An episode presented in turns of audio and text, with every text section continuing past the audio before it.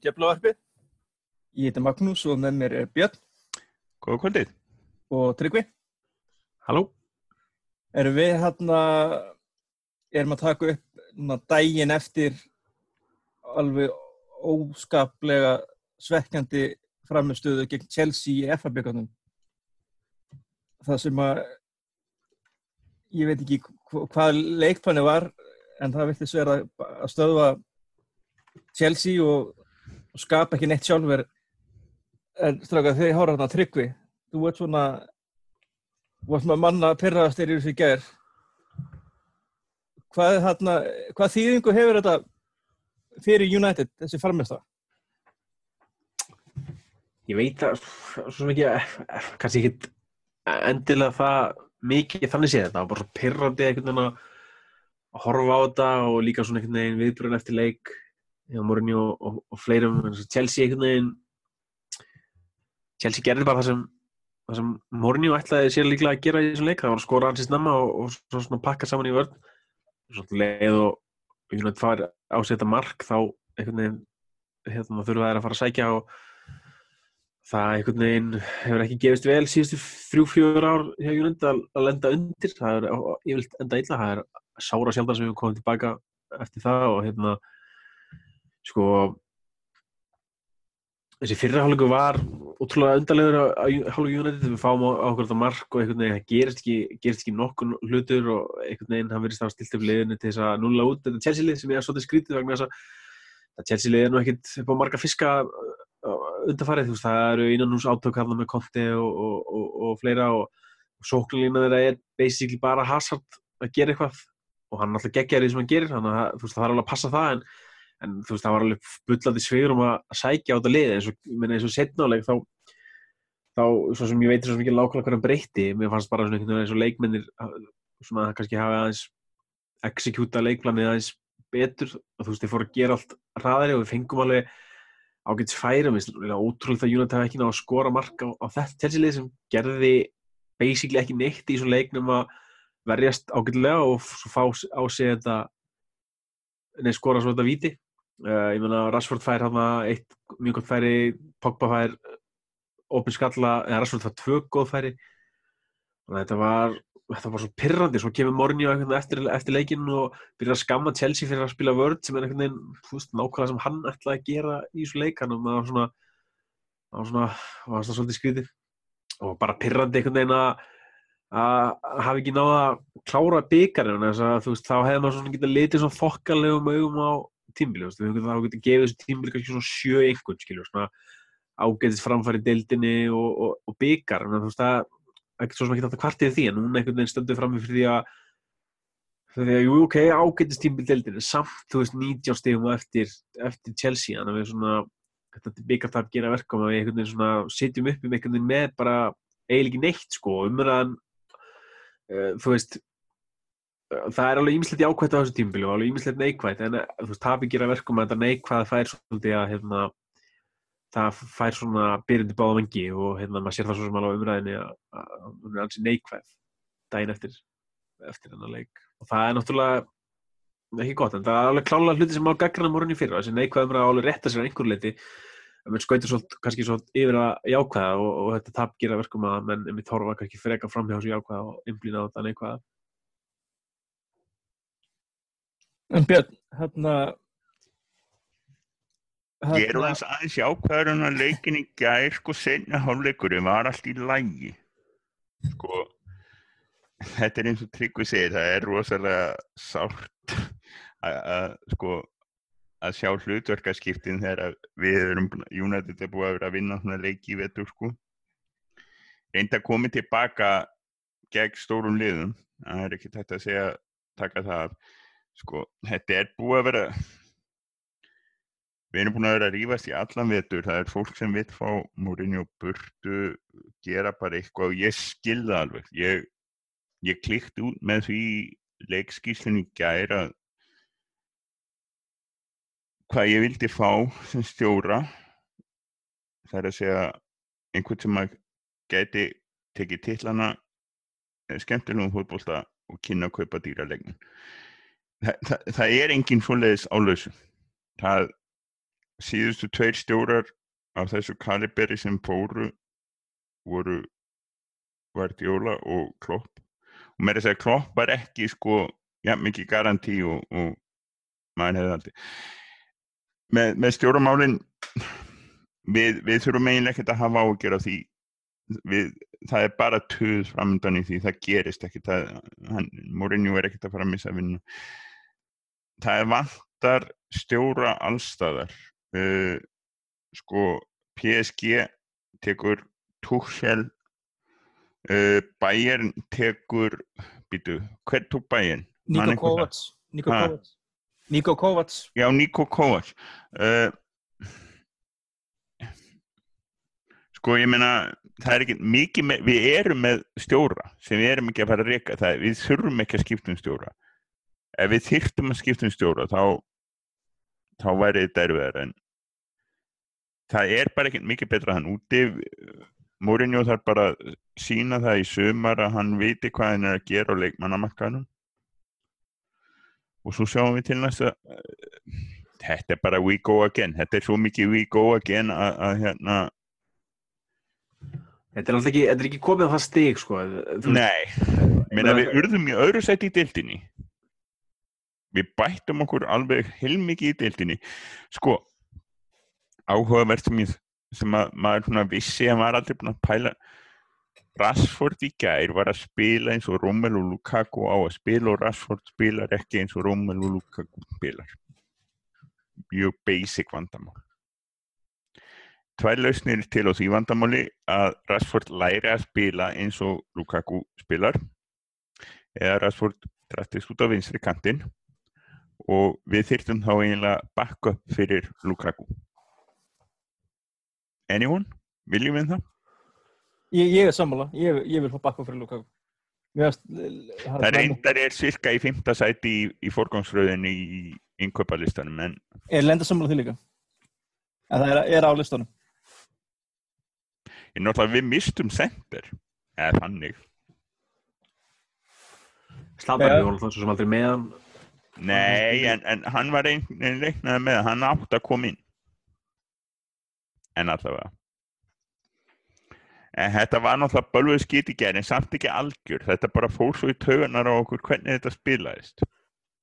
Það var sko það eru komnar fullt af lærðum greinum megna þess að það eru endalust af lærðum greinum og taktíkum og þetta er að aukast þessi helvítis handbólta taktík.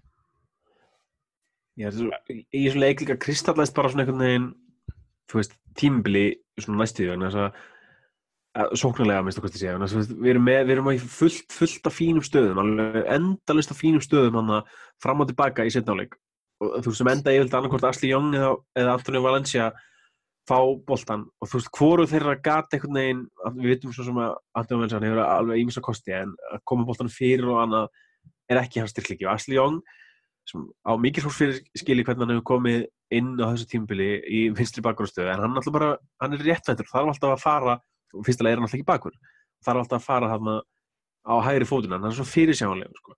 svo kom Marshall inn og ekki gerði hann mikið meira og þú veist það mann fannst United þó þeir hafa alveg skapað sér færi mann fannst þeir aldrei líklegir til þess að skapa sér færi. Og eh, þú veist, þetta er svo tilvílunarkendur svo rosalega tilvílunarkendur sóknarleikur og það, veist, það er ekkert plan. Það er bara svona, boltin er frammi, koma hann bara aðeins framar og svo bara þú veist, hann fær boltan og svo sjáu hvað gerist kannski setur boltan inn í og ég veit ekki. Og svo náttúrulega var engin inn í loksist þegar fyrirgjað var komið fyrir en það er alltaf ekki þjálfari. Við erum búin að tala um þetta áður. Mourinho þjálfari ekki í sóknarleik. Hann ætlaðist einhvern veginn til að menn viti bara hvað þeir eru að gera. Sem er bara og það er kannski bolta. allt í lægið með frábæra leikmenn og við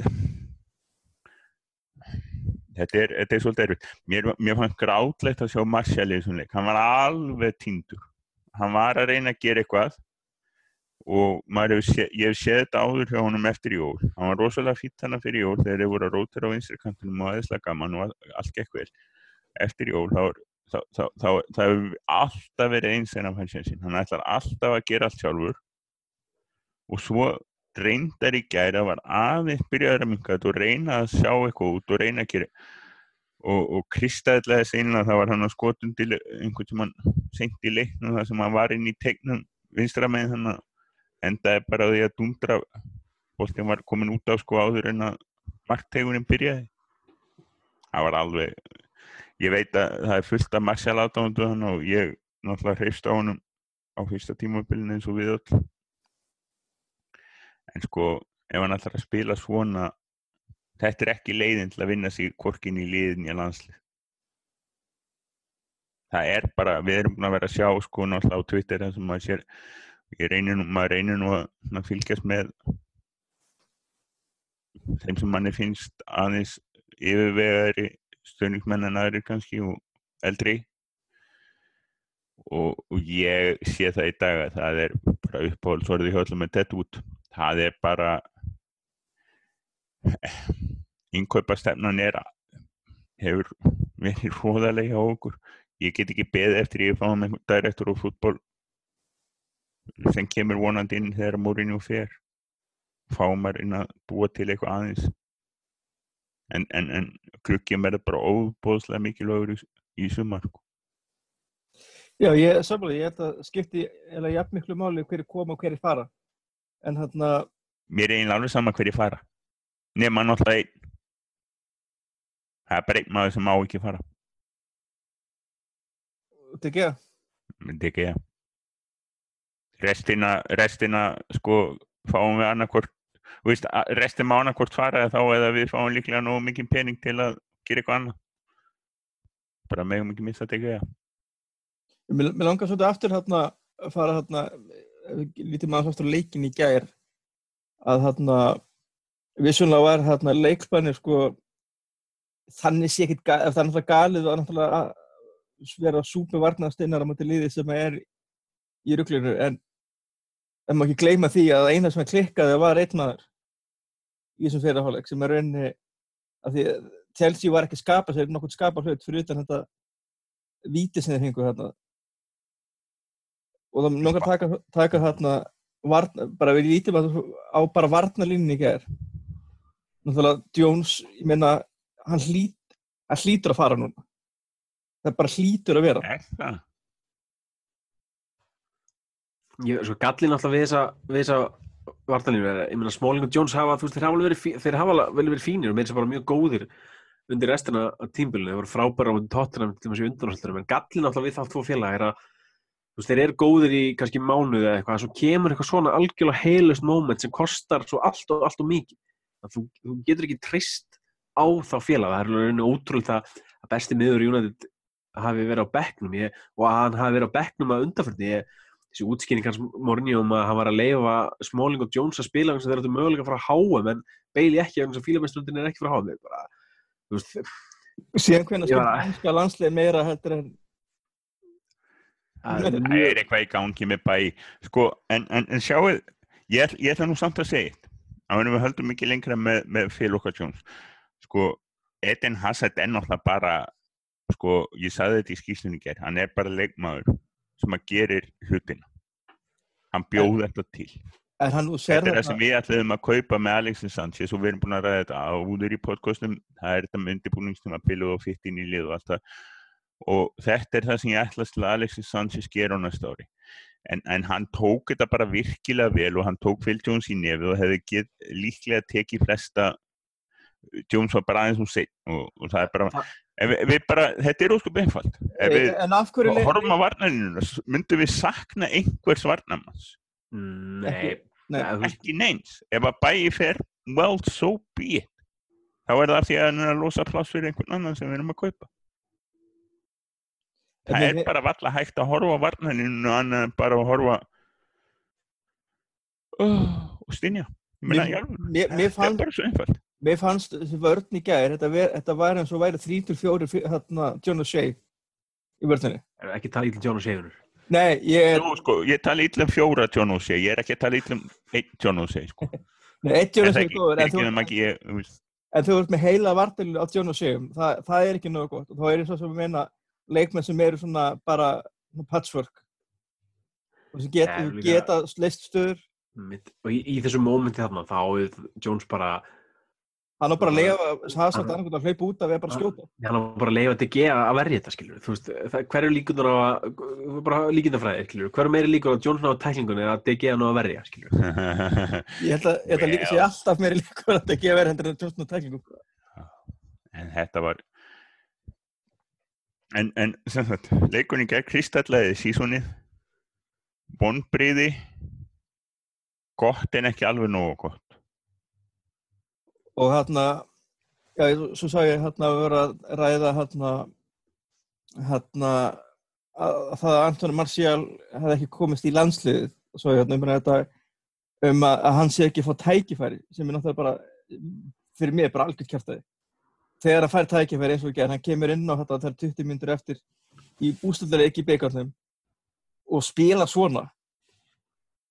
Hann, þú veist, það er ekki, þú veist, ef þetta er það besta sem hann ef þetta er það besta sem hann býður upp á fyrir þetta lið þá skal ég bara fljúa sjálfur persónlega til Manchester og pakka niður í tösku fyrir hann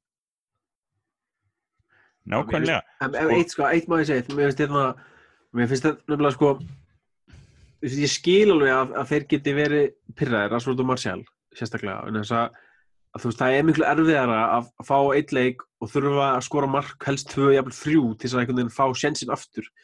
Þannig að einhvern veginn alltaf þegar þeir félagar klúðra, þá er þetta teknir út, en þegar til dæmis Sanchez eða Lukaku, Sanchez sem er ekki, ekki, ekki komin eitt með einhvern gríðlega stormi, samt fer hann alltaf að spila. Og Lukaku átti þetta þrjá mánuði í, í, í yktinni vetur sem hann var bara frekar lillur og minna saman sér til þessum Matic þá kom hann eitthvað 2-3 mánuði í janúar sem hann lillur þeir spila svolítið alltaf, sko. þeir fá alltaf að spila. Þannig að þú veist, það lítur svolítið pyrrandi fyrir þá að horfa upp á þessa félaga eiga svona upp og ofan tímabil og svo um leið, en þegar þeir Marcel Rashford, þegar þeir klikka þá er þeir alltaf kiptir út úr liðinu og þeir eru ekki nógu góður fyrir okkur. Það- þú, þú veist, ég myndi trúa þessar gaggrinni sem þeir fá frá sérstaklega frá Mourinho miklu meira það myndi gilda um alla hína leikminn í liðinu, sérstaklega þessar þrjá sem hann Lukaku, Sanchez og, og hérna, Matic sem verðast vera bara algjörlega ónæmir fyrir, veist, þeir spila alltaf sama hvað, fínt finnst samt sko hvorki Rashford niður Martial eftir jól hafa gripið veist, þetta er náttúrulega leiðinlega leikaðferð fyrir þá að spila í. Eins og ég segi, Rashford þegar hann kemur inn hann og á að spila í nýjunni eða þegar hann kemur inn og spila sko hægra megin af því Alexis er vinstra megin. En er það til ómikill ætlast af atvinnum knattspyrnumönnum að þeir geti aðeins aðlaða sig? Ég, ég, ég veit það ekki sko. Við heimtum það að Alexis er að spila hægra þess að hann hefur þó gert það á meðan að Rashford og Martial voru að spila rosalega vel vinstra minn þessi kaup á Alexis það var uppsetta tímabilið dálítið en, en, en það var samt þessi vandræði með þá það, það var ekki eins og þetta rotasjón frábæra rotasjón hefði verið að virka um jólin eða eitthvað svoleiði sko. þetta vandræðin voru byrjuð miklu fyrr heldur en Alexis sko. og ef við sjáum til dæmis hérna Lingard þegar hann fær tækifærin hann hefur gripið miklu betur hann spilar eins og stjórinn vil spila sem að er það sem skiptir máli. Það skiptir ekki máli hvernig við hérna í podcasti Rauðu Djöflunum viljum að United spili. Það hefur engin áhrif á það hver er valin í liða en eitt svo leiðis en hérna en ef þú ætlar að vinna vinnuna þina þá gerur þú þá annarkvort gerur þú nákvæmlega eins og yfirmaðurinn segir eða þú sýnir fram á að þín leið sé miklu betri. Og það er ekki það sem verið er að gerast hjá þessum mannum þannig bara- að ég, vonaði þetta ég vil, ég vil hvorvan missa. Ég segi það alveg eins og er. Meðal annars vegna þess að það er svo mikil, mikið annað sem við þurfum að styrkja að ég vil halda bæði Marcial og Rashford til að einfalda lífið í hópnum næsta ár.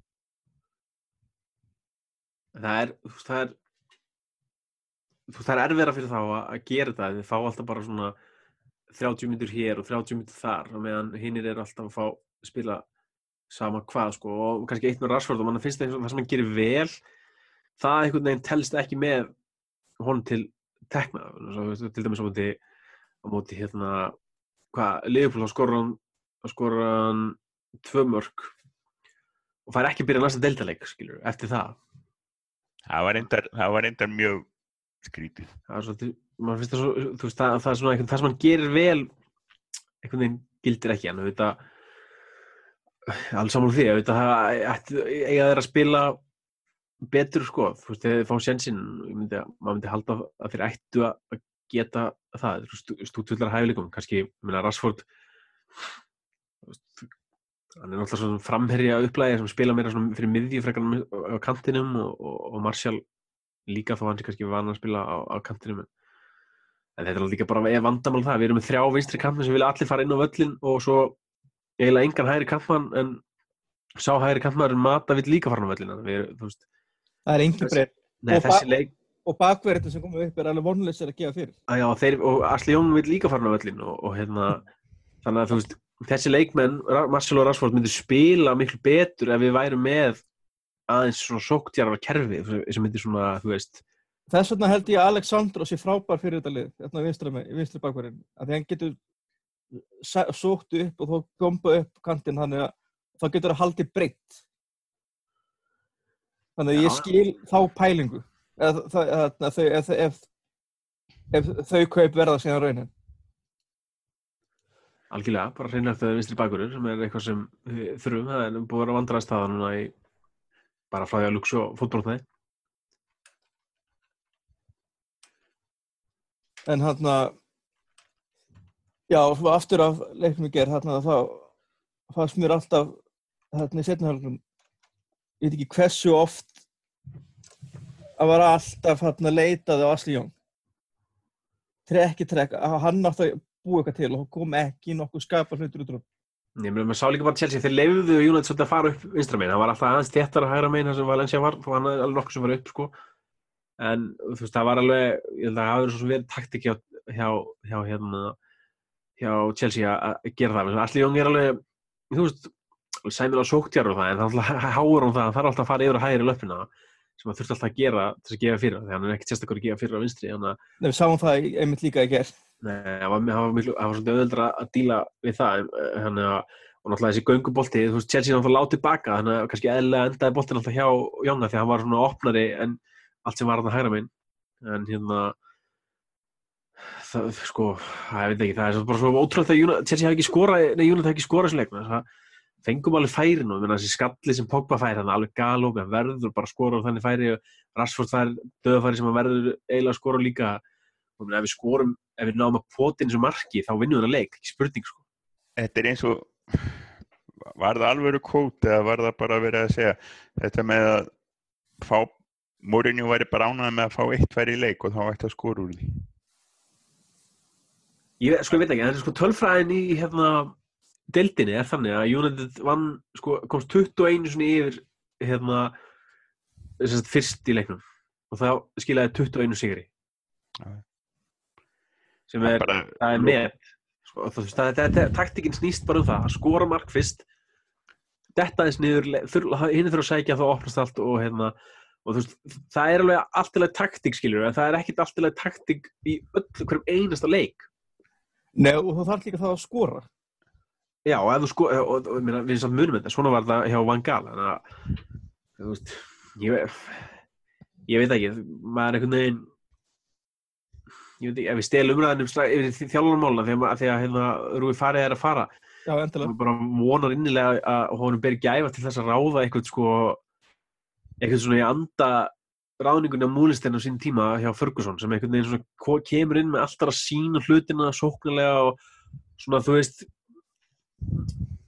ke- kemur með svona nýja hluti að það, veist, United, það þarf ekkit svo mikið til þess, við fáum 81 stig í dildinni sem er, þú veist, langbæsti árangur síðan að Ferguson hætti. Og ég meina, það er kannski svona 5, 6, 7, 8 stigum frá titlinum á venjulegu tímbili þannig að við erum ekkit langt frá þessu skilur og það þarf svo lítið, það þarf ekki að fara svo 10-15 mörki viðbútt til þess að United sé bara svona að fara að vera alvöru kontender um titilinu næsta ári. Ég meina, vörni var fín, ég meina, bara fínt varnar ekkert. Já, Já, já, þú og, og, Heyrðu, af því að þú, af því að þú segir sko Mólenstinn, já, já, hérna, Tísti Bræðum að kleri gær, ég flett upp skilgreiningun á Möllenstein Já. það er einhver sem er góður í því að taka kredit fyrir annar manna vinnu Já, ok, það getur vel verið, en allavega, það er, það er svolítið fyndið að Makli var náttúrulega var hann í þjálfuninu en, en hafði þurfum eitthvað, svona sem kemur eitthvað nýtt, skilur, En- eitthvað svona, þurfum- og það sem við fáum er, er sem það coach frá hérna Sampdoria er það staðfæst eða? eh, nei en það er þetta er orðið ægilega háa Að hver þá?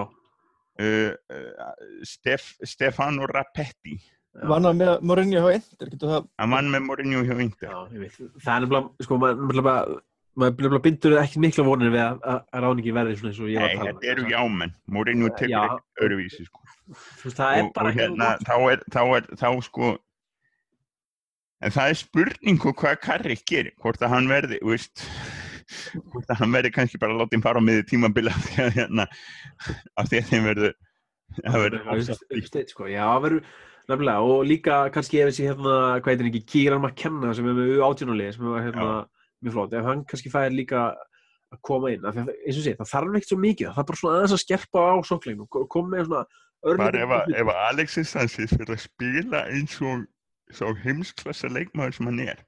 Já, já, og þú veist, þá, þá erum við alveg í ágætis málum, sko, ég, við erum í ágætismálum fram á við. að, það er bara sóknarleikur, það, er svo, það þarf að fara, Við- hann, hann þarf að og, og, og, það eina sem þarf að gera er að skerpa varnarleikin úr bakverðinu það er það sem myndi gera eins og þetta er það er, það er, það er ekki nýtt í þessu.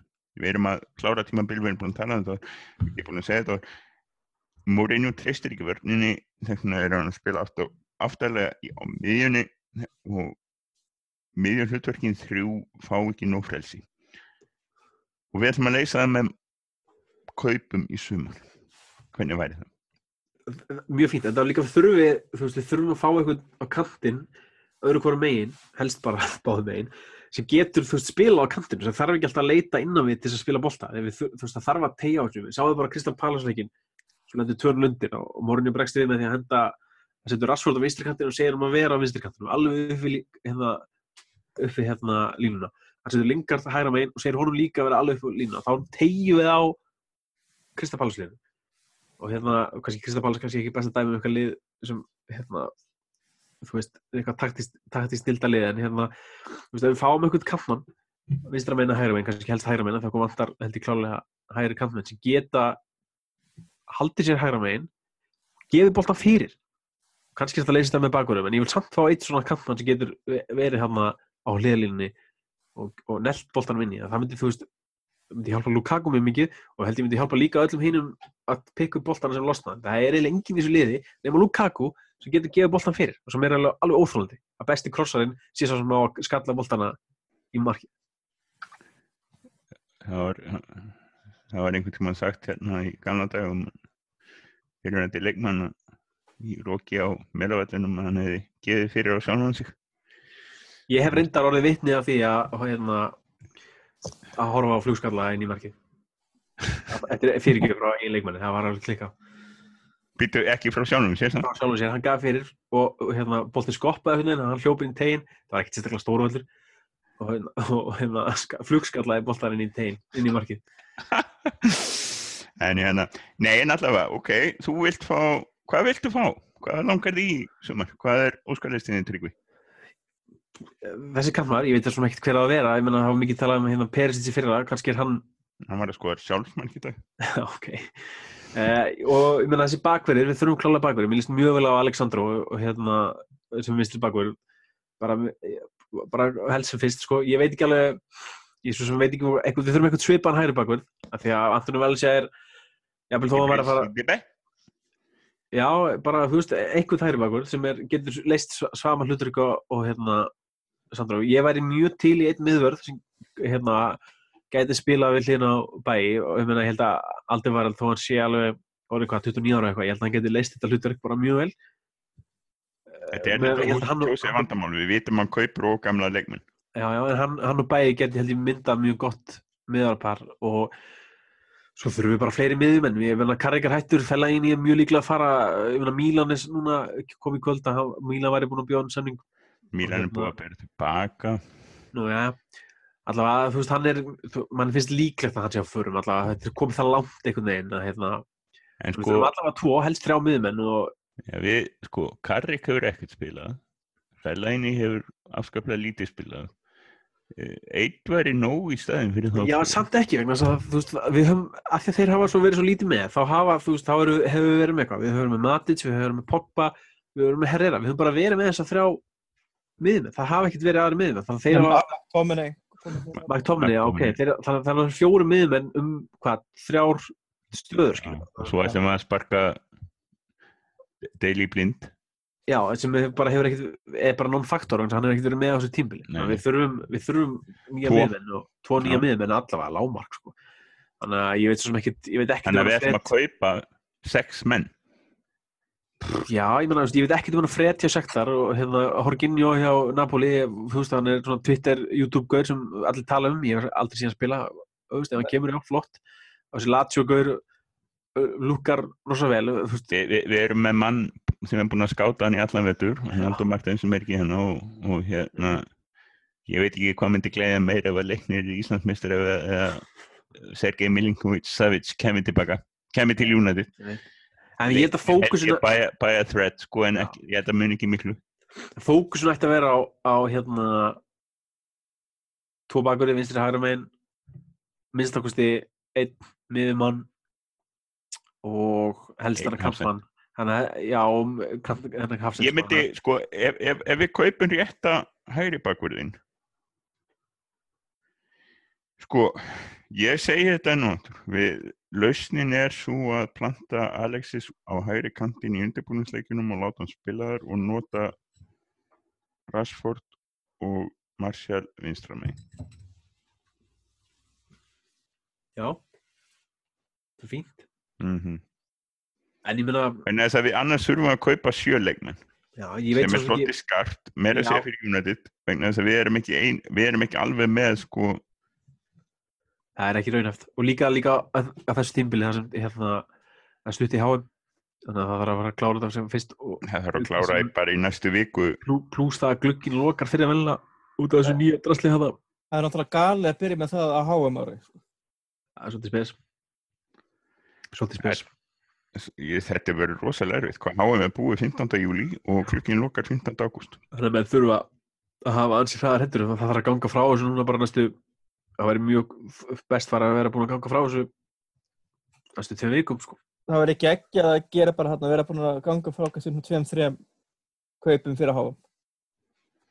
ég á ekki vona því að það gerist vegna þess að það, það gerist yfirleitt allt í þessu þegar ég er í útlöndum En ekki að posta uppfærslum að einhverjum mismunandi aðla, eh, hérna, mismunandi hraðu, hrö, hröðu netsambandi á torgum í Evrópu eru, en hérna Alexandro og Savits, þeir, eru þeir, þeir eru hvort að fara að HM? þeir eru hvort að vera að fara á HM Nei, jú, Milinkovic Savic lítur að vera að fara með Serbum á HM Já, jú, jú. Já, hann er serbi, það er rétt. CDB er í franska landsliðinu Já, þannig að það er svona þeir, þeir sem að þurfti að klára fyrr. og, og Tóbi Aldeveireld er í belgíska Já, það er, það er Já, þessi þrýr.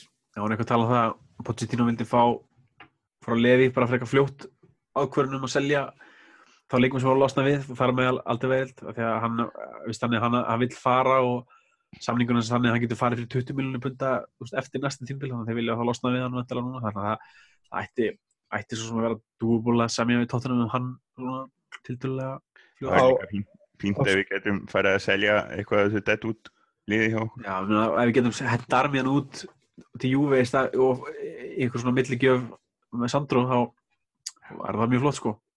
Og blind, en náttúrulega blind hann er mest talað um að hann sé að fara aftur til Ajax. Það verður náttúrulega aldrei fyrir eitthvað peninga sko. Bara eitthvað smottir í. Justin Chloe Vert. Af því að mögulega. vantar einmitt vinstri kantmann. Það væri spennandi. Já, hann er klart að getur spila báða megin. það er það sem þið sögðu um Alexis. Já, það er það sem þið Já. sögðu um Alexis. Er það svo? Hann hefur ekki, sko, hann náttúrulega, sögðu hann náttúrulega, en hann hefur aldrei verið að, það er ekki, ekki nema kannski með Chile. Það hefur hann ekkert að spila hægra megin. Já, byrjaði að hæra meginn fyrst komum kom upp sjónasvið sem hægri kantmaður. Nei, ég, ég er að meina bara síðustu, síðustu hvað, fjögur, fimm árin. Já, Klóivert hefur spilað 22 leiki vinstra megin og, og fjóra leiki hægra megin. Tölfræðin er, er ekki með því. Nei, ekki beint. Hann er kannski ekki alveg það sem og, vantar. og, og einhvernin á húskort er einum heilum lægri hægra mig Já, hann hefur ekkert gert þar, hann er með fjögur mörg og nýju stóðsendingar hinn með en ef, ef Marshall fer þá samt, þú veist, ef. Marshall fer þá er klóðvert möguleiki Ég er nokkuð vissum að, að ég, ég er ekki vissum að það sé klæfur kaup en ég er, ég er svona 80% vissum það að Marshall verði ekki í Leikmar United þegar að Já, ég, ég, ég, 80% er fíntala, ég er sammála henni sko, Justin Kluivert væri náttúrulega bara romantísk kaup fyrir okkur gömlu kallana sko. sem við reyndum að fá Patrick Klövert. ég meina, Hvað vörsvíkar það sem það hann sé það ekki er enda stemt ekki alveg sko þegar maður fór að skoða en, en það um tíma leit út eins og sko hann hérna Patrik Lefurt og, og Ruth van Nistelrooy eru jafngamlega upp á dag. Og það, það fer, ferillin hjá, hjá þeim hann eiginlega var þannig að van Nistelrooy fór í gang þegar Klauvert var búinn. Það er líka, by- byrjaði svo, hann byrjaði svo rosalega snemma. Og svo sko eftir að nýstur þá kemur til United og fyrir að skora það, eftir það sko þá var einlega Klóiver kominn sko. Það reyndar ekki alveg satt að hann aðeins ekki búinn sko en hann var miklu rólegir eftir það. Algjör svo vörsvíka, svona hann sé ekki framherri. já það er, það er örglega eitthvað frá mömmunni eða eitthvað. Er- er- hefði örglega orðið landsinskona eða, eða eitthvað ef hún hefði fengið sénsa en, en, en, en þetta er allavega sko það, það er ansi langt síðan að Jose sagði við ætlum að kaupa tvo leikmenn í sumar Já, ég held að það sé ekki fræðilega möguleika að vera bara tveir. Nei, og og allt minna en fimm væri disaster ég held ekki kannski bara að fá nóga ákveðna leikunum sem hann bara vilja losna við einhvern veginn sama hvað sko. Og ef, þú veist, þá þarf hann að að kaupa í fyrir það það. eru bara leik sko ég veit að uh, það vantar formann íslenska Juan Mata klúpsins hérna í podcastið. Þannig að ég get sagt þetta á þess að ég á hættu að vera að skræði þér að mig. En Juan Mata má bara fara? Ég er þetta algjörlega ósamal því að þannig þetta örfáðan leikmunni sem hó- hóps getur actually skapað eitthvað úr engu í stað fyrir að þurfa, þú veist, 30 metra hlaupasvæði og eitthvað sko. Og mér finnst hann að hafa staðið sér bara mér finnst hann bara unnið sér að þokkalega inn í þetta aftur eftir að maður fannst heldur svart sínt að hérna er eitthvað myndi spila eitthvað þokkalega er mitt rétt orðið. Þetta er þokkaleg. Já, en þú veist, þetta er En, en, en sko með að við erum ekki meirinn það er kantmann nei, nei, þá okay. bara verðum við að hafa ef, ef, ef, ef við fengjum hægri kantmann með því að leifa Mata að fara. Mögulega, við þurfum alltaf tvo hægri kantmenn. Og menn að Mata kemur hann er með þennan X-faktor sem eiginlega enginn í þessu liði hefur. Og hann er nú rettað okkur alveg Svo er hann bara svona anskoti viðkvæmlega. já, hann er mjög næs, Það er alveg vest, Sko, er alveg vest, það er alveg sendirmenni. einn fullkonni tengd og svona Nei, þú veist, já, ég hérna, ég veit ekki, ég, Alltaf, hann, hann er mjög ofalega á listanum við þá sem þurfa hérna, en mjög neðarlega á listanum við þá sem þurfa já, þurfa að fara, það er, það er Já. reyndar hérna, sko, það er reyndar langur listi yfir, yfir þá sem bara mega, mega fara, sko, þess vegna, og það eru, þú veist, ég meina, Rokko mætti fara og það er basically bara eins og hann, allir vartamennir nema allir mögulega varnamennir, nema mögulega- ég, ég vil halda pæli, ég vil halda Viktor Lindelöf, já, ok, reyndar, ég hérna ég saman því hann alltaf eitt ári viðbútt, Það- ég það vil ekki hann- fara út á lán, mér finnst það fáránlega til, mér- það, sem það sem hann hefur gert vel á þessu tímbili, svona lofar góðu en það eru hann svona já, ég meina, hann er bara þannig að ég, ég segja, ég vil ekki láta hann fara því, ég vil gefa hann annars tímabil, sko, ekki af því að hann var svo góður í Nei, hann er með svona eiginleika sem er gott að hafa og góður á boltanum og svona og annað sem, sem er mikilvægt. Þó hann þurfi náttúrulega sjálfsög að gera betur en á síðast tímbili eða þessu tímbili blind og Darmian með að fara. Já, þeir eru líka bara farnir sem við getum bókað við getum bókað þá tvo fella inn í fer.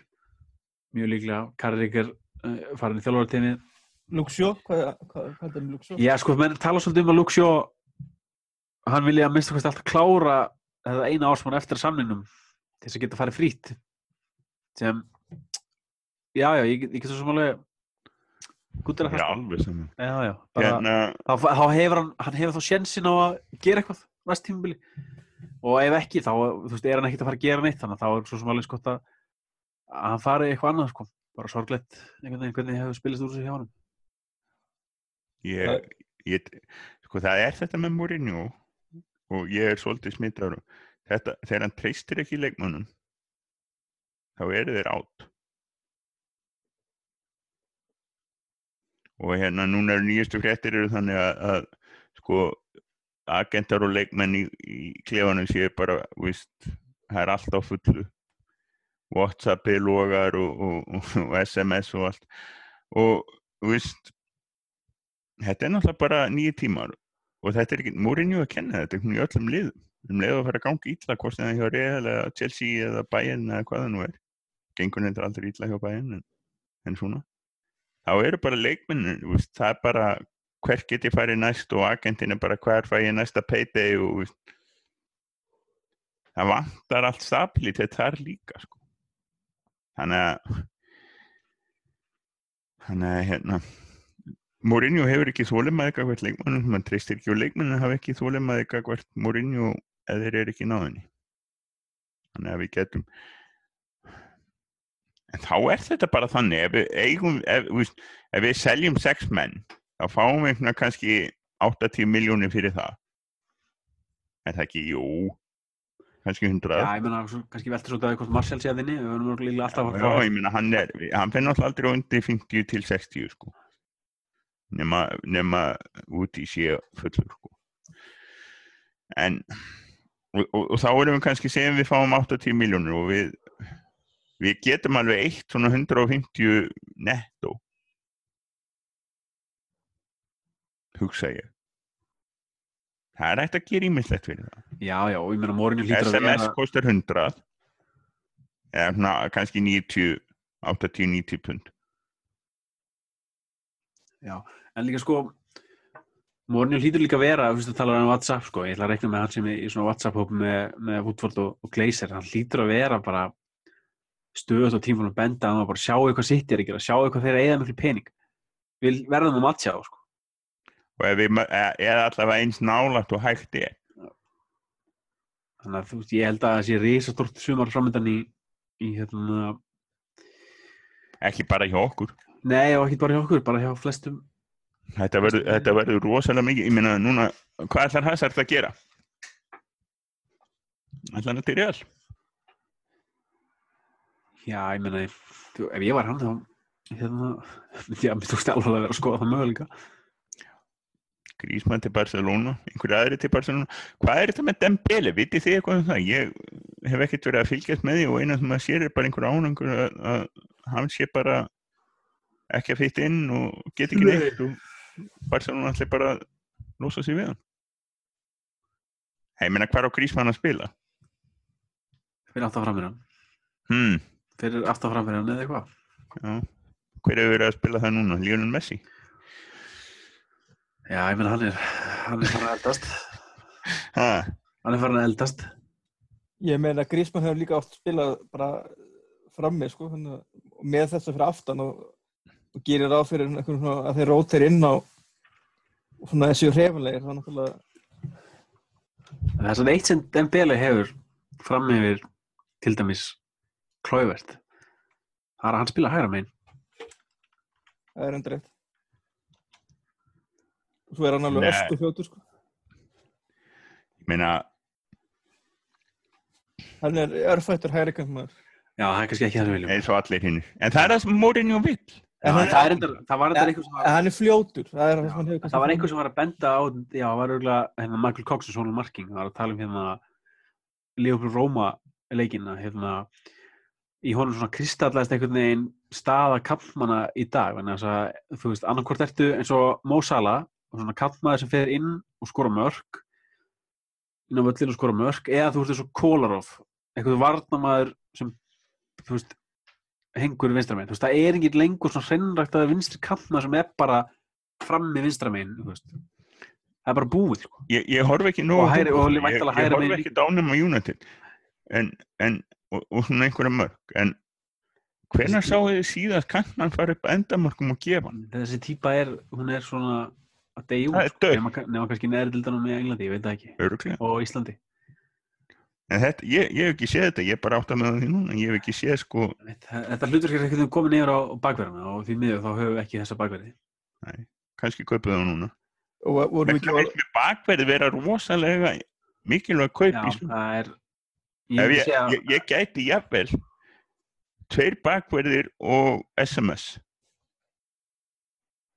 já, ég myndi segja að bakverðinir væru eiginlega líkilstöður til þess að fylla í, í sumar. Eiginlega svona svo umfram tökum við allar bara svo, sko, svo segjum við bara áfram United og tökum tæðið Sjón og Angel Gómez inn En hvað, en hvað haldi, haldi að með, eins og með þarna eins og yngri leikmenn þarna okkar? Fyrir þetta þá kannski eins og þú vilt þarna fá einn bjössi en svo þarna per, Pereira er hann að fara, hver? verður András Pereira United leikmar eða er hann bara Já, já, já, já. Já, já, það er, hann er búinn að tryggja það alveg með, með framistöðu sínu síðustu mánuði. Við megum ekkert við því að rótera miðjunni meira heldur en verður. Ef hann vill vera áfram þá verður hann áfram. og svo náttúrulega vorum við orðað við fyrir vittur og það ekki við Pulisic hæri, sem er hæri kampmaður, réttvættur já, það væri reyndar hérna, einn einn af þessum fáu hann sko líka tikkar í svona mörg box sko og hann er bandar ekki maður hann eða það er Það væri náttúrulega, veist, markas, getur markasmannsins draumur að fá Já. hann. maður myndi halda að Woodward hafi mikið áhuga að næla eitthvað svoleiðis og hann er hann er mjög spennandi leikmaður held að sé ekki Hann er mjög, mjög, mjög, mjög greindur leikmaður. Mjög, hann skri, ég veit ekki hvort ég sáu það, hann skrifaði grein á eitthvað svona verðtímanitt eftir að bandaríkinn dött út. Og hvort sem var góðstuð, sko, eða veist, hún er náttúrulega verið yfirfærin eða hvort hún var alfærið skrifuð af blaðamanni. En hérna, hún kom rosalega vel út úr þeirri grein. Ég veit hann líka spila mest hægra megin en hann getur líka spilað vinstra megin hann hefur spilað alveg slatta vinstra megin og Hvað er hann gammal? bili. 20 ára? 21? 19 ára, fættur 98 Og er, já, og er orðin, ekki orðin. Nei, hann verið 20 ára þessu ári Það væri mjög, mjög hérna Þetta, það væri reynda mjög áhugaverðari kostur heldur en held ég hérna Justin Kluivert. ég hugsa það já Og hann veit alveg af því. Hann, náttúrulega hann er ekki ókipis samt. nei og Nei, nei, bara enginn af svo leikmennum sem United er að fara að kaupa er ókipis Nei, og, og engin leikmann sem við þurfum við erum aldrei að fá leikmann að það okkur vantar inn að hóp fyrir eitthvað lítið. Það er eiginlega smá grátlegt að hafa eitt peningum í Alexis Sanchez. Hann var, Hann var lúksuskaup. Og var- já. rosalega dýr lúksuskaup. já, hann var ekki keftur, hann var bara Já, þú veist. Við erum að borgunum eins og hann hafi verið keftur þannig að peningarnir eru farni. Og, og við brutum upp hérna launastruktúrin eins og allavega eins og hann var. Já, ég Já, hann en hann þarf bara þú veist, hann hefur næsta tímbil bara til þess að menn þurfa að hann þarf að gera svo að koma sér í gang og það þarf einhvern veginn að þú veist, við þurfum einhvern veginn að finna leið til þess að Notan. nota hann rétt sko, en hann er einhvern veginn alltaf að djöflast í boltan alltaf annars þar hann á að vera sko. Það er sjálfur, ég, en ég veit ekki með það sko. Já, hann á að vera miklu framar að djöflast í boltan hann á ekki að vera þarna, það er einhver aðrir að vera að djöflast í þannig að er, já, svo fannst mér hérna einmitt svona, tækið smá svona rívænt hérna að leikinni gera og hversu oft sáu þegar leikmi voru hérna inni eins og Svendis hann voru oft á sama stað og aðri leikmi það vantar svolítið svona þetta er svona kristallæs bara já, hvað það, Hvað- það sá maður alveg, veist, það Það oftar en einu sinni maður var að öskra á sjónvarpi hvað þetta væri Já. þröng. já, voru tveir hérna eitthvað fremst hérna eitthvað í ykkur sömuhólinu í staðan fyrir einn aðeins aftar fyrir framann þú veist bara upp á það að hafa option til að gefa hann og, og þú veist reyfa við vörnil það var alveg skelfilega. Þannig ég, ég, ég, ég hérna ég er bara til sammála Pól Skól sem var að tala um að, að sem sagði í rauninni bara að Alex Hansen hafi verið vombrið hann, er hann er bara búin að vera vombrið þetta eru, eru þrjú mörk í áttan leikjum. Fyrir, fyrir sko þennan leikmann það er það er bara vombrið alveg klálega, en hann má svo sem eiga það að hann á hann að tvö moment sem eru geggjuð, það er á móti tóttanum í hérna byggarnum undanúrslutum, markið sem er góður og svo líka framistan gegn City, þar sem hann leggur upp hann ekki upp hvað, hann ekki upp Hann lagði upp tvö og Já. átti næst síðustu sendingun í þrýða. Já, þannig að þú veist, hann, það, þú veist, þetta telur náttúrulega og svo líka svo sem má líka eiga það að hann spilar hann, þú veist, náttúrulega djö- djöflast þó hann sé kannski ekki endilega alltaf á réttum staðskilur, þá er hann bara munur honum mikið tari hann bara svona einhvern veginn fyrir liðið er náttúrulega svakalegur, hann er ótrúlega drjúgur í eiginlega öllu, sko bara hann þarf að vera eins framar á vellinum það er máli, sko Já, það er náttúrulega, og hann þarf prísíksson. Það er náttúrulega, hann náttúrulega var ekkert að spila mikið með Arsenal, ég veitur. Já, hann var náttúrulega, nei, nei, en, og, og eins og við talaðum, sko, ef að, já, ef hann fær góða undirbúnings, gott, hann er náttúrulega ekki að fara á HM, hann verður vel kvildur, kemur inn í undirbúningstímabilið, þetta verður, þannig að við bara reynum með honum frábæra mannastu tímabili. Og vonandi hann og Alexandro getið hérna orðið bara bestu vinir hérna í undbúðstímpul og myndi, myndi hérna partnership hann að veistramæði. Já, já, það væri fínt. En hérna, já, ég, en ég er náttúrulega eins og ég segi, ég hef svolítið ágjur af því að það er helviti stíft að þurfa að kaupa sex leikmenn. Ég veit þú eigum fyrir þeim. Já, ég heldur svona, getur volið nokkurn veginn slegið í fyrstu að það sé eiginlega ekki að fara að gera, sko það er mjög hæpið Það verða fjóri til fimm. Ég sagði fyrir nokkuð vikum hérna einmitt fimm og ég svona, það er það sem ég held að verða, það verða fimm leikmenn, það verða bakverðir, það verða miðverður og miðjumar og, svo sjáum við til. Svo kannski 50. Já. Þú veist, það verður kannski, það verður kannski einhver svona, Það verður uh, vonandi Pulisic. Hérna, já, það verður ekki dætti gaman. En hérna, svona, eigum að henda taliska hérna fram og vita hvort einhver veit hver það er. ég ve- veit að hann er hvað, er hann ekki leikmaður Benfica sem er á láni í Týrlandi? Jú. Það er eina sem ég veit. En þetta, sko, og, og hann spilar í tíunni, í holinni. já, sko, máli, máli er það að hérna, að hérna, hann, hann, hann hefur líka, hann hefur, hann hefur spilað eitt leik út á kanti.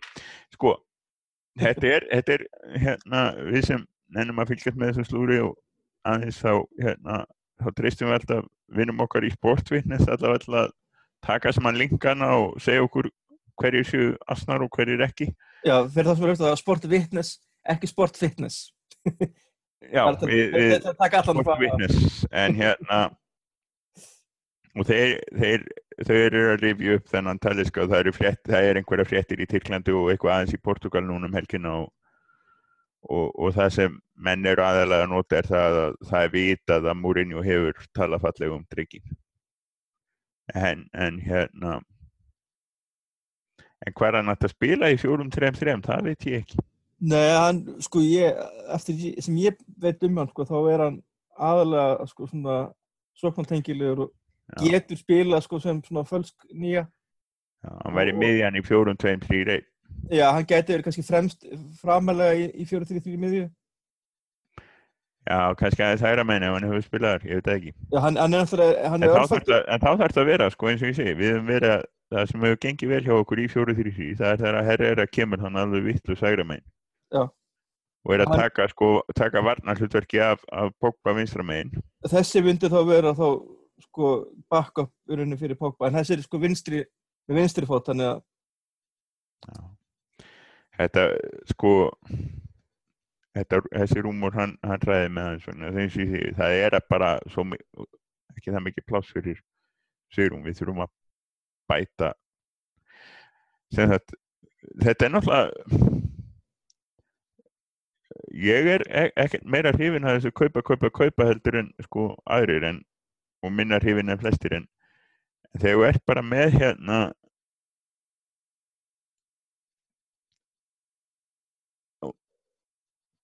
þegar þú ert bara með hérna, þetta mikið sigrum, bara, en allavega, nógum það, þetta, Er- þetta tekur sumarið. eru við hérna, það fór ekki fram hérna einum að annars fyrir nokkru viku, þá var hérna leikmaður kvattur eftir eftir 12 ára veru hjá Manchester United, Michael Carrick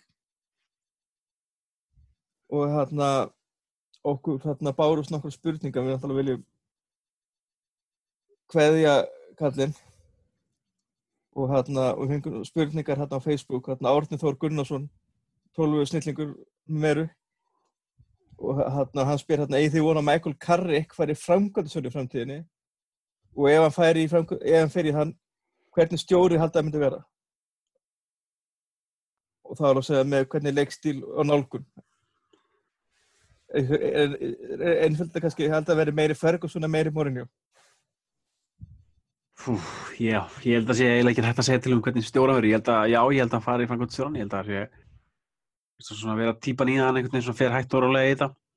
Mm, líklega að veri svona meiri förgur svona þegar hann vilja spila svona meiri þannig bolta heldur en morinni og ég finnst veginn allir þessi leikmenn sem hérna fara í að minnst okkur stegi og eru svona spikingar, þeir tala að minnst okkur stegi þannig.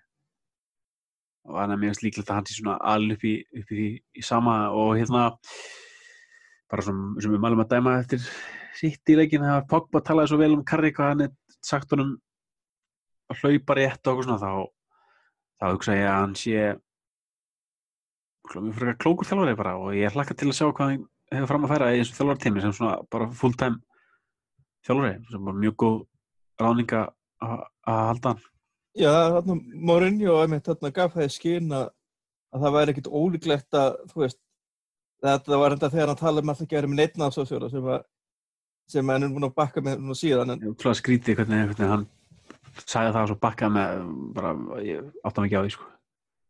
Spyndu hvort hann er fengið eitthvað skilabáð þú verður að vera með. þú veist, en hann, hann talaði þá, um það að Michael Carrick geti jæfnvel orðið bara svona næsti eða svona framtíðar Astu, Já, framtíðar akkur ekki, akkur ekki þekki fjarlægi út á inn? Góða tekikun leikmannhópin virðist það eins og þeir klóku þjálfari og hérna hann alltaf elskar allir skilur sem þekkja hann eitthvað. Bara já, akkur ekki sko. margt villis að Hljómar alltaf fyrir mér betur heldur en margir aðrir en maður veit aldrei hvernig þetta verður með, með leikmenn sem verður í þjálfurinn er, það er oft tapp og klappa það er því náttúrulega aðeinslegt ef hann, hann geti verið þetta. En þessi, þarna ekki glemum því samt að, að svona fyrirverðandi leikmennu sem verða þjálfarar þá er þessi bestu þarna er allir fyrirverðandi liðmenn. Við sjáum hérna Simone Guardiola meina að segja hérna Conte hérna og, og, og fleiri. Síðan þannig að það er kannski eitthvað við því að vera leikstjórnandi sem að með upp á leikskilning og svona sem að getur verið hjálplegt í, í þjálfun. Og hérna Þóraður Helgason spyr hérna þó að svari sér þetta augljóst er Michael Carrick eitt vannmættasti enski miður með að senna kynsluðar? Ekkert eittan, það bara. Ja, og, og, ekki, og sennilega ekki enski hann er sennilega bara eitt vannmættasti miður með að senna kynsluðar Já, líklega sko, útrúlega að hann ekki spila fleiri landsliki fyrir ennskala landsliði einhvern veginn þegar hann var svarið sem, þú veist, var að vera öskra á allan tíma sem, þú veist, England var einhvern veginn að reyna að spila betri fólkvölda, vant að þess að miðum en einhvern veginn, þá var hann alltaf á þannig hliðinu bara, herru, ég er hérna, bæðið vei, aldrei fekk hann sjansinn einhvern veginn. Englendingar eru alltaf snillingar í að, sko, nota ekki leikmennina sem þeir hafa. En það er samt, Björsi, þú mannst þú þegar hann kom inn, þú varst ekki hrifin að því. Já, ég, ég, ég var ekki hrifin að því, sko, ég, ég ódöðlegt blogg sem að, ég var með blogg hérna í gamla dag þegar fólk bloggaði upp á sitt eindæmi.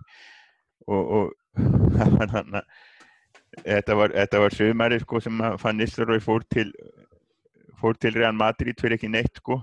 Kín, í hættur, Kín fór hann á tímbili áður í, já, tímbili sem var ekki tímbili fyrir bara í fussi sko og United náttúrulega bara í Það náttúrulega var ekki nógu góðu lengur núna.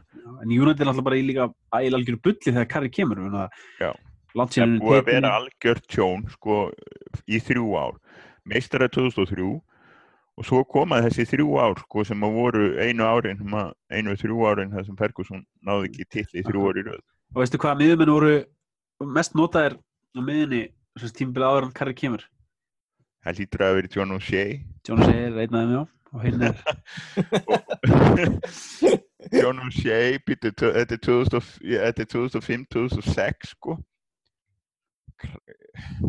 John O'Shea hver eh, voru einhverju miður með hann, hann var með svo svipan hárstíl og Phil Jones að Phil Jones var með hann Kón hann var framherri og notaður á miðunni A- Alan Smith. Alan Smith, já auðvita Alan Smith er náttúrulega reyndar smá vannmittin við víst, já, já, og John O'Shea klálega líka en þetta- þetta þetta voru ekki þetta voru ekki bestu miðum Nei, og það, samt hvað er hann ótrúlegt. Karri, er hann ekki ein leikmann sem Ferguson kaupir þetta tímabil? Það er ekki uh, rétt hjá mér? jú. Pælið hvað er ótrúlegt hjá honum. Hann er ekki bara að vinna tímabilin í þrjú ár. Hann er náttúrulega John O'Shea og Alan Smith á miðunni þú veist, Roy Keane þú veist, leikmann sem var bara undirstaðan næstu öllu sem United var bara að gera hafa tímabilin áður. Og einu sem hann gerir er að kaupa Michael Carrick sem er svo, þú veist, ef það er eitthvað leikmann svona andstæði við Keane á alla mögulega vegu þá var það Michael Carrick. Og, og þetta svínu virka svona, ég meina Michael Carrick er náttúrulega líkil maður í þessu liði sem vann meistarleitanum 2008 og allar sem byggara og titla þá, ég meina svo svona stórkostlegur og þú veist, sópaði hann upp á miðinni sem gera Ja. verkum að Ronaldo Rooney og allir sem Nei, kalla sko- bara gert það sem vildur. Vítið svo efra komum í í, í janúar. Ja- janúar. Janúar glugganum 2005, 2005 já. Já, það er tímla undan þá. Þannig að ok, Nei, það er árað undan já. ára undan já. Þannig að þú veist, þetta er pæli, pæli að þú veist, hafa einhvern veginn þórið í þetta. Já, allir að drulli yfir þig, sem þú verður að kaupa eitthvað kín, já, og hann er eini sem er kiptur eins, þetta þú veist, þetta er, og þetta er ekki á 17 miljónir sem ég kallaði brjálæði. Þetta er, þetta er ótrúlega ég, ég, ég, eins og ég segi, það sem ég sagði í þessum blokki 17 miljónir fyrir Michael Carrick er brjálæði. Ég, ég tek, ég tek undir það, það er bara alltaf lítið. þetta er hugsanlega heimskulegasta sem ég hef sagt um fótbolta og er af nógu að taka. Ég menna ég, hver gætt séð þetta fyrir Ferguson. Ferguson, hann er líklega eini maðurinn ha, Sver Alex Ferguson, hann var svo eini sem gæti sér þetta fyrir. Þetta var náttúrulega einmitt, þetta, er, þetta eru klárlega eina bestu kaupum United fyrir og síðar. Ég tala nú ekki um með hann heldur áfram og, og verður þjálfari og ef að ef Já, ég, ég, ég er alveg til í að er tilbúin fyrir fyrirverandi leikmann United sem að verður almennilegu þjálfari. Hver var sá síðasti? sem var þjálfari, Mm ekki var að kín Já, sko við, það voru fullt af Ferguson-leikmennu sem urðu sko slarkfærir sko er, er á ringjækjunni með öllum hinnum misgóðu bresku þjálfurunum. Steve Bruce og, og, Steve Bruce og Mark Hughes og Robson um tíma og svona eitthvað svo leiði sko. Og Gi- Giggs með velskalandsteginu það er rétt að byrja að komast á ringjækjuna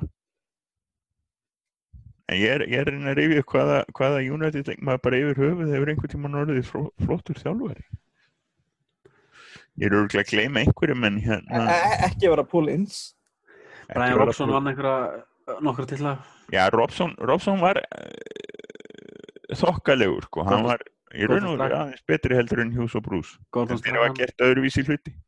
Gordon Strachan var svona til að í Já, já, gerði allt í lægi, sko. mm, Annars er ég bara farin eitthvað lengst aftur í tíma og finn ekki neitt. Þetta er hérna, þetta, tím, hérna, eins og segi, það er tímundu komin. En það væri, það væri bara draumur en, en hérna sjáum til. En hérna, hérna svo, svona, til að svona, ljúkast af hérna, einni annari Michael Carrick spurningu, það var augljóst þema hérna í spurningu sem okkur bárast, en hérna að Birgir Ólfsson spyr hver er mögulegur arftæki Michael Carrick? Og þá, hérna, ég kannski hérna, hérna áður en svarið, náttúrulega, við náttúrulega fengum rauninni aldrei arftakar á Kín, og fengum, veist, fáum við nokkuð arftaka Michael Carrick? Bara einhvern sem spila öðruvísi. Verður það poppa? Já, ég meina ef að hann stendur sig. Hann getur þetta. Ætlar hann að gera það? Nennir það? Já, samt, þú veist Pogba er með miklu meiri við viljum miklu frekar hafa hann frammi heldur en, þú veist, hérna e, aftar, sko, ég þú veist ég veit ekki Karðíkað sem hann gerði, fyrsta lagi náttúrulega vendaði vörnuna fárlega vel, en hann var líka svo beinskettur að, byrja sóknum með góða sendingum og ég veit ekki, þú veist svona leikminn dag eru alveg ránfakkin dýri, sko. Já, hann spila með Lazio og Er það? Er, er hann þessi Ja, hann er CM, hann er bara miðmaður sko. hann er ekki, ekki sóknamaður en hann er svona hann er, hann, hann er svona frekar sóktjarfur miðmaður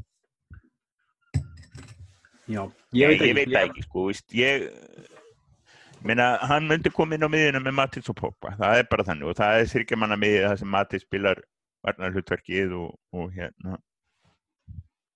Svona meina, það er bara öðruvísi, veist, þetta er bara öðruvísi spilamennska núna.